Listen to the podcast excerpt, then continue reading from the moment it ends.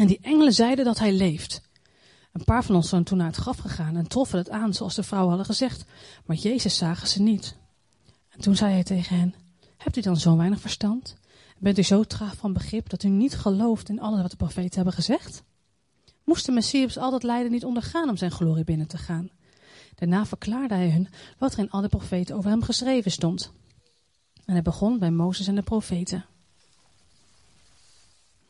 En naderden het dorp op weg waren.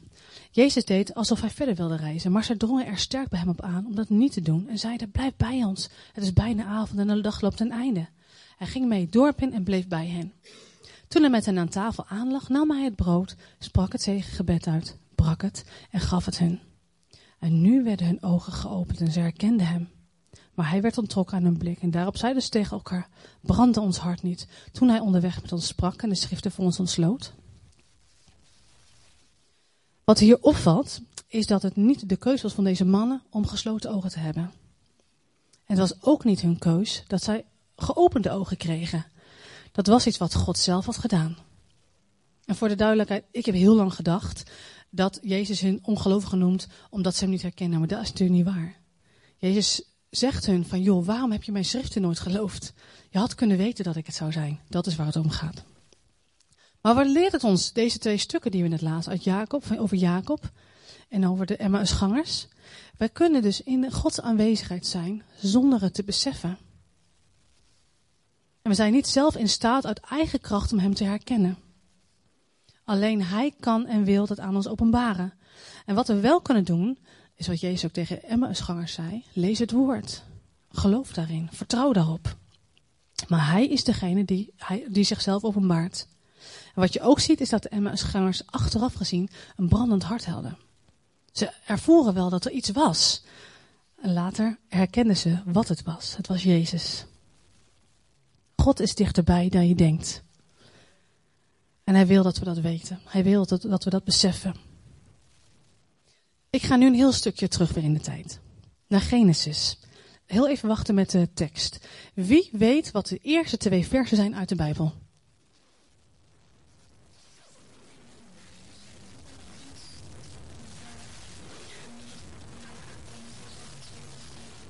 Heel goed. Hij mag erop, dankjewel.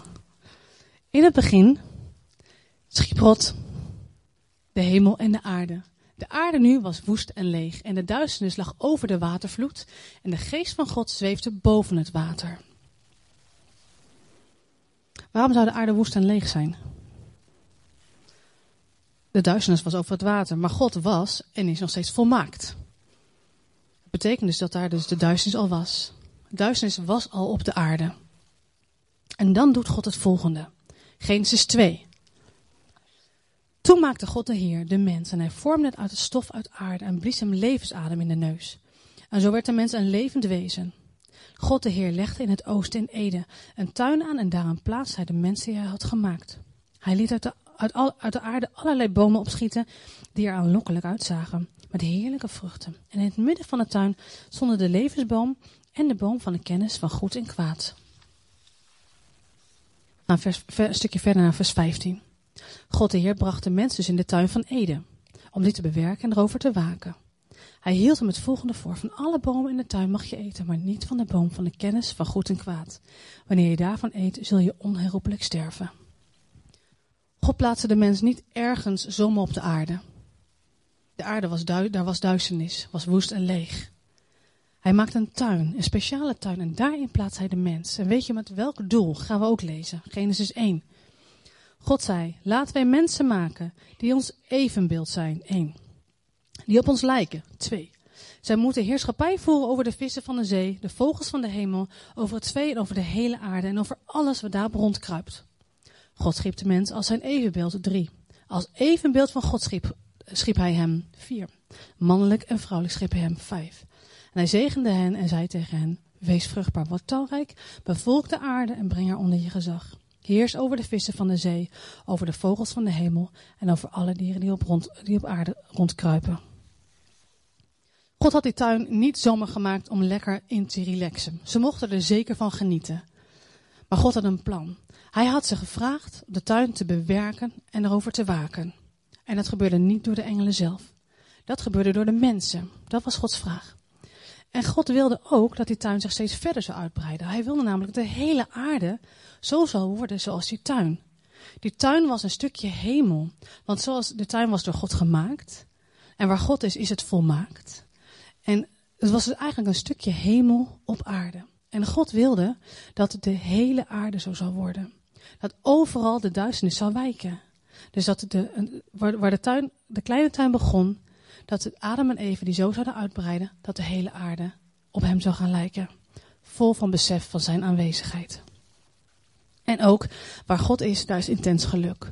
Daar wil God met zijn wandelen. In de tuin wilde God met de mens praten en intimiteit met ze hebben. En als beeld daarvan geeft hij ook de man en vrouw aan elkaar als uiting van de eenheid die hij ook wil met de mens. Want God is een God van relatie. En hij geeft dat en hij biedt het ons aan en hij heeft ons geroepen al vanaf het begin. Hij heeft bedacht en gekozen om via mensen te gaan. Hij wil relatie met mensen. Hij wandelde met Eva en Adam. En toen op het moment dat zij van die boom wel aten waar ze niet van mochten eten, was hij ook intens bedroefd. Het betekende dat ze niet meer in zijn aanwezigheid konden wonen. Het betekende dat ze uit die tuin, die speciale tuin, die hemelse tuin moesten gaan, de duisternis in. En dat was God niet, dat was niet zijn bedoeling, dat was niet zijn plan. Maar God blijft dezelfde. In Psalm 102 staat het ook. Maar u blijft dezelfde, uw jaren nemen geen einde. God is onveranderlijk, altijd dezelfde. En als hij de mens heeft geroepen om in relatie met hem te leven, dan komt hij daar niet op terug.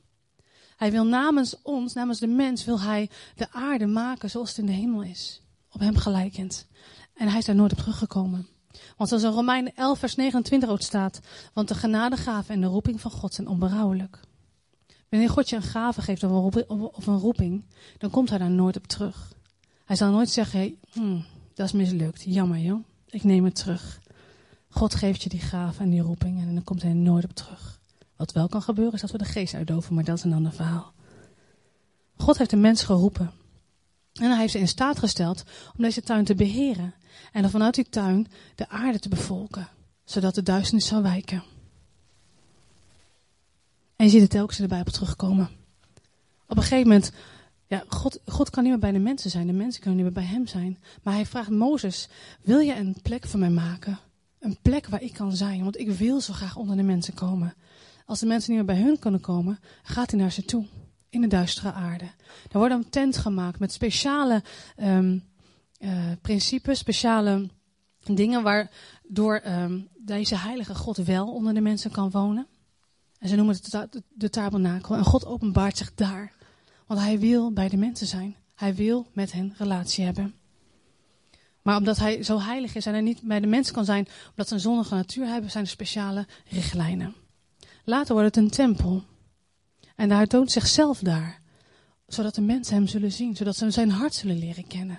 Want dat is wat hij wil. Hij wil dichtbij zijn. Waarom wil je dichtbij bij iemand zijn?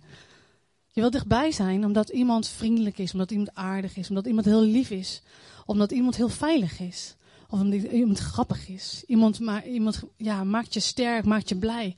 Dat is waarom iemand bij iemand wil zijn. En op een gegeven moment kan het een verlangen worden, wat sterk wordt. Maar als je naar God kijkt, dan spreken we niet meer van een verlangen. Hij heeft een passie. Hij is gedreven om bij de mensen te zijn. Hij jaagt ons na. En dat is nog steeds zo. De mens woont nu nog steeds niet in die tuin. Wij leven nog steeds in een wereld waar de duisternis is. Amen. En dat was niet wat God voor ons bedoeld heeft. God had bedoeld dat wij op een hemelse plek zouden wonen. Dat is wat hij heeft gewild had bedoeld dat wij vanuit de relatie die we met hem hebben, de hele aarde zouden bevolken. Dat de hele aarde op hem zou lijken. Dat overal zijn heerlijkheid zichtbaar werd, zijn aanwezigheid voelbaar werd, beseft werd. En omdat God onveranderlijk is, had hij een plan. Hij wilde dat de mens weer terugkwam bij hem, in, in relatie met hem kon staan. En de enige manier dat het kon, was door Jezus de straf te laten dragen. Enige wat kon, was Jezus zou sterven voor de vloek die over ons was gekomen. De eeuwige duisternis, waar we niet meer uit konden komen. Onze vloek was dat we voor eeuwig buiten de tuin zouden blijven leven. Voor eeuwig in de duisternis, waar God niet zo makkelijk bij kon en wij in ieder geval niet bij hem konden komen. Jezus is gekomen En hij heeft dat gedaan. Hij heeft de straf gedragen. Hij heeft overwonnen. Hij leeft wel. Zoals de MS-gangers niet wisten of ze het konden geloven. Wij weten nu, Jezus leeft wel. Hij heeft de vloek verbroken. En wat hij daarmee heeft gedaan, is dat hij weer een weg heeft gemaakt vanuit die duisternis waar we in zaten, naar, naar de Vader toe. Een plek vanuit de duisternis naar een hemelse plek.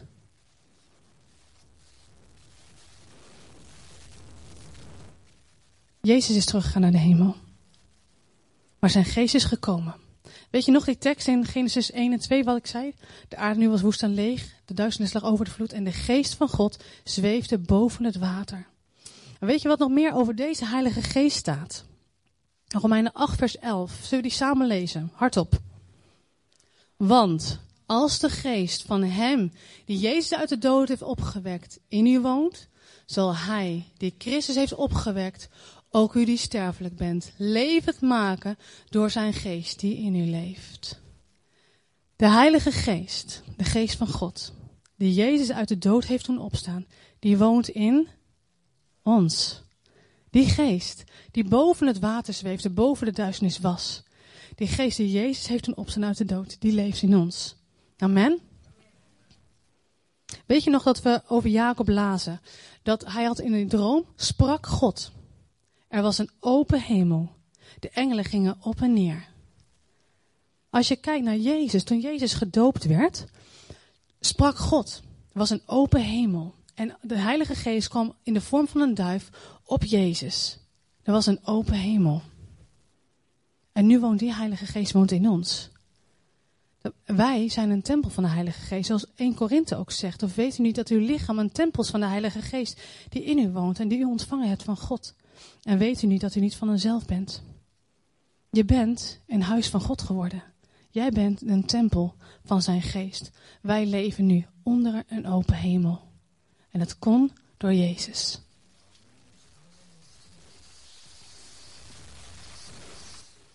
Als je kijkt naar Jezus op aarde, alles waar hij, overal waar hij komt, wat hij aanraakt, wat hij toespreekt, dat gaat om lijken. Waar Jezus komt, dan komt de, de, aanwezigheid van zijn Vader. Daar gaat het leven stromen. En zo had hij ook Adam en Eva bedacht als beelddragers van hem. Beelddragers van de schepper. En misschien ken je wel het gezegde, met wie je omgaat, daar ga je op lijken. Ik weet niet, kennen jullie die reclame nog? Dat was een, waren mensen die hadden een hond. En dan op een gegeven moment gingen die mensen op die hond lijken. Ken, heb je die reclame eens gezien? Ja, die was heel grappig. Ik heb er geen plaatje van. Met wie je omgaat, daar ga je op lijken. Je neemt mekaars gewoontes over. Hopelijk de goede, soms ook wel eens de verkeerde. Maar als je met God omgaat, dan ga je ook om lijken. Weet je, hoe vaak had ik geteld dat, we, dat er stond in één tekst dat wij naar zijn evenbeeld gemaakt zijn? Vijf keer. Wij zijn beelddragers van hem. Weet je, en als wij leven als beelddrager in relatie met onze schepper, dan is er geen duisternis tegen ons opgewassen. Dan moet al het duister wijken. En dat was precies het plan wat God had.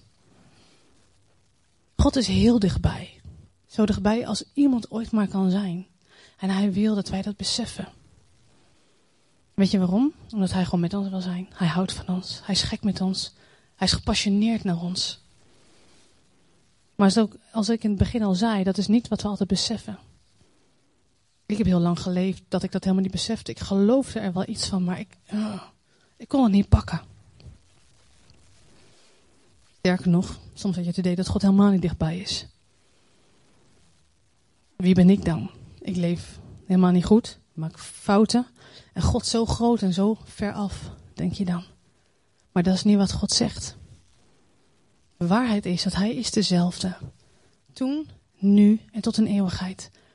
Zijn plan was om met mensen een relatie te leven. Zijn plan was dat de aarde door ons heen vol zou zijn van zijn aanwezigheid. Zijn plan was dat de duisternis zou wijken en om dat samen met ons te doen. Vanuit relatie.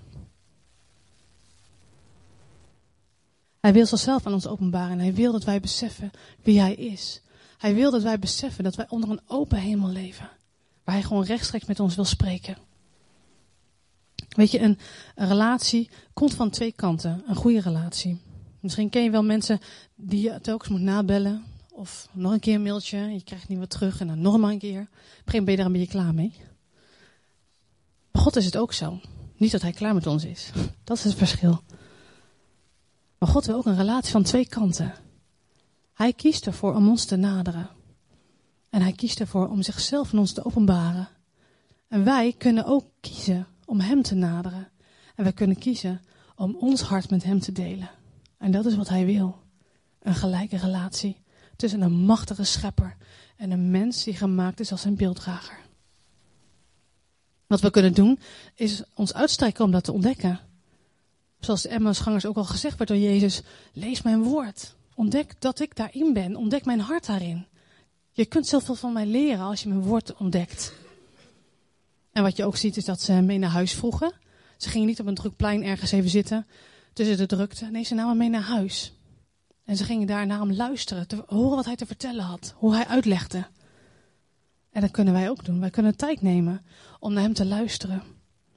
Maar God wil op veel meer manieren nog openbaren wie hij is. Ik had laatst al verteld dat toen Sue buiten hier was, dat ik zo'n openbaring kreeg. Het was een gevoel alsof de schellen van mijn ogen gingen. Terwijl ik ergens al lang wist, ik had wel een brandend hart. Op het gebied van Israël ging dat, voor de mensen die er niet waren. Ik wist wel dat Israël belangrijk was. Maar God haalde ineens de schellen van mijn ogen. Ik had gevraagd om zijn hart. En hij liet zijn hart zien. Dat alleen kan God doen. En zo wil hij dat voor ons allemaal op verschillende manieren. God is zo groot. Er is zoveel van hem te ontdekken. En hij wil dat we dat ontdekken. Hij wil dat we zijn hart gaan zoeken, gaan naderen om hem te kennen. En hij zal onze ogen openen voor elk gebiedje waar je in bent.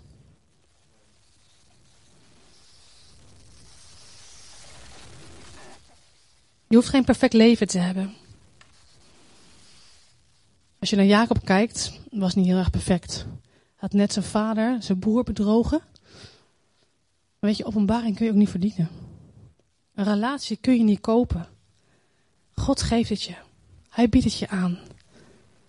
Het gaat erom dat wij vanuit een relatie gaan. Niet om een relatie gaan we werken, maar we gaan vanuit een relatie leven. Je ogen mogen daarvoor open gaan. Weet je, als Adam en Eva gewoon um, doorgeleefd hadden, daar in de, in de tuin, dan hadden ze als het ware gewoon met God geleefd. En dan was de duisternis vanzelf geweken. Als wij gewoon, gewoon leven met onze schepper, dan wijkt de duisternis. Gewoon omdat je met hem wandelt. Hij laat je dingen zien. Hij openbaart je dingen. Hij laat zichzelf zien. En dat is wat hij wil. God is dichtbij en hij wil dat je dat ondervindt. Wil dat je beseft dat hij met je is. Dat je onder een open hemel leeft. Misschien heb je wel een moeilijke tijd. Misschien heb je het wel eentje gehad. Of zit je er middenin. Dan weet je, de Emma-aanschangers konden er heel goed over meepraten. Want de Emma-aanschangers, zoals al lazen, die hebben net degene van wie ze hadden verwacht dat hen zou redden, die hebben ze verloren. Jezus zou Israël redden. Er was een Romeinse bezetting daar waarvan ik niet een idee heb hoe zwaar dat was. Ik denk dat wij geen idee hebben hoe zwaar dat was. En ze moesten gered worden. En daar was Jezus en die zou hen eindelijk redden. En toen stierf hij. Toen was hij weg. Alle hoop vervlogen. Ik denk serieus dat die mannen echt hebben staan roepen naar de hemel toe van, en nu dan? Alle hoop was weg. En dat geldt voor ons soms ook. Alle hoop is soms weg. Maar dat is niet de waarheid. Want Jezus is er wel. Hij leeft wel. Wij weten, hij leeft. Hij heeft die vloek verbroken. Hij heeft een weg gemaakt vanuit de duisternis naar de hemel toe, naar onze hemelse Vader. Hij heeft het mogelijk gemaakt dat wij weer bij de Vader kunnen zijn. Dat wij in zijn aanwezigheid kunnen zijn. Wat is dat, in iemands aanwezigheid zijn? Dat je hem hoort, dat je hem voelt, dat je hem proeft, dat je hem kent en dat je weet, het is goed. Dat is in Gods aanwezigheid zijn. Hij bekrachtigt je, hij rust je toe. Dat is in Gods aanwezigheid zijn en dat is wat hij wil geven. Jezus heeft die weg al bereid voor ons. Wat, wat nodig is dat wij het gaan herkennen. Dat onze ogen open gaan. En daar kunnen wij dus dingen voor doen. Maar Jezus zal ons de ogen openbaren door zijn geest. Zal hij het laten zien aan ons. Mark, wil je naar voren komen? Wat God wil, is dat wij gaan ondervinden dat Hij relatie met ons wil hebben. Hier en nu, op dit moment, in elke plek waar je bent. In elke situatie waar je bent, wil God dat. Weet je, het is als een tuin die je hebt. En hij wil dat vanuit die tuin het leven gaat stromen. Zodat de duisternis uit je leven gaat wijken. Zodat de duisternis uit de situatie waar je in zit, of je, die je ziet, die je voor je ziet, dat die gaat wijken. Dat is wat God wil. Vanuit relatie. En ik wil nu tijd nemen om daar met God over te praten persoonlijk. Als jij ervaart, ik heb die openbaring meer nodig. Ik heb het nodig om God beter te leren kennen. Ik heb het nodig om te beseffen wat het betekent voor mij om onder die open hemel te leven. Ik heb het nodig om te ontdekken hoe God nog meer is, hoe groot Hij is en wat Hij nog meer heeft en wie Hij nog meer is. Wil je dan gaan staan? Mark, wil jij beginnen met uh, spelen?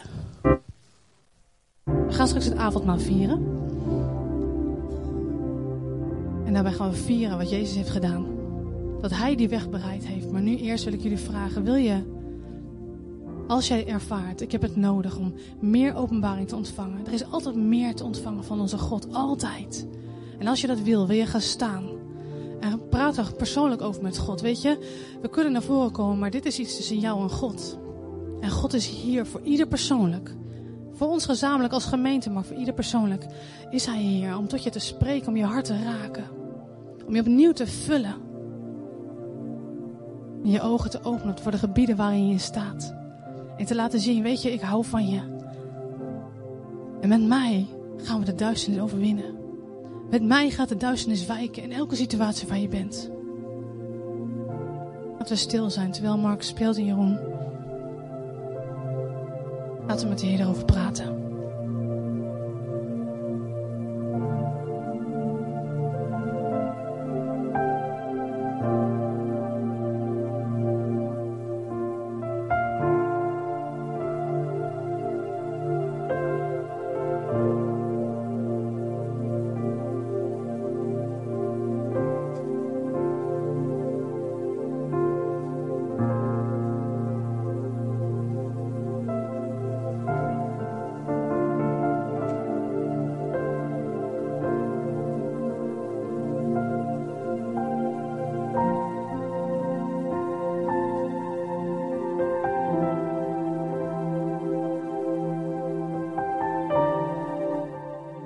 Mozes wordt gezegd in Exodus 33, vers 11.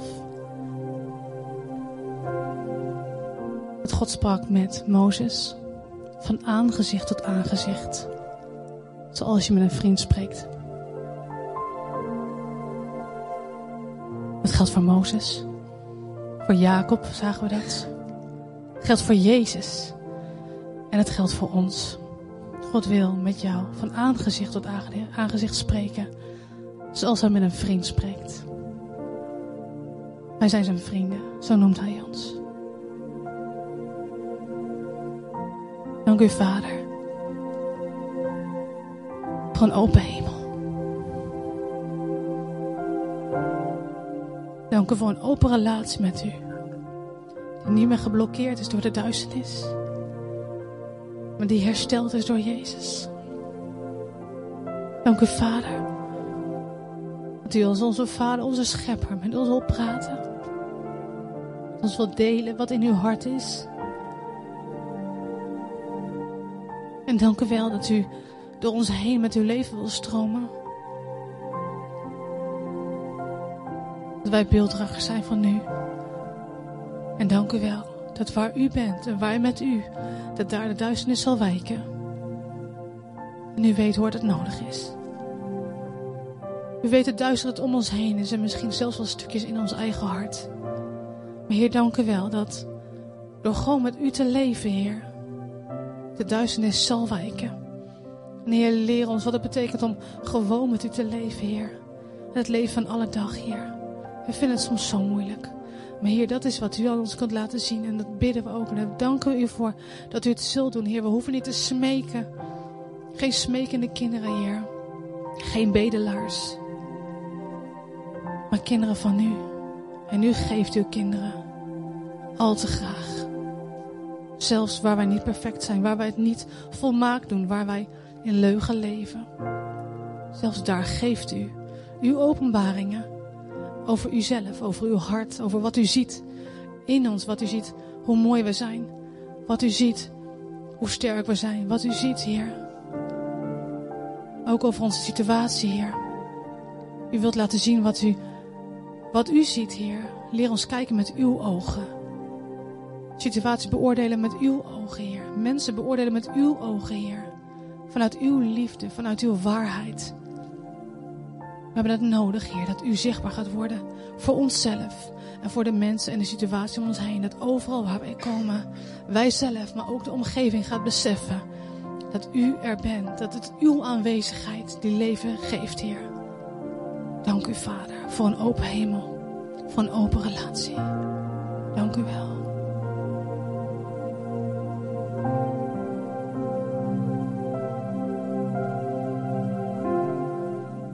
En de enige manier dat het mogelijk was, was door Jezus.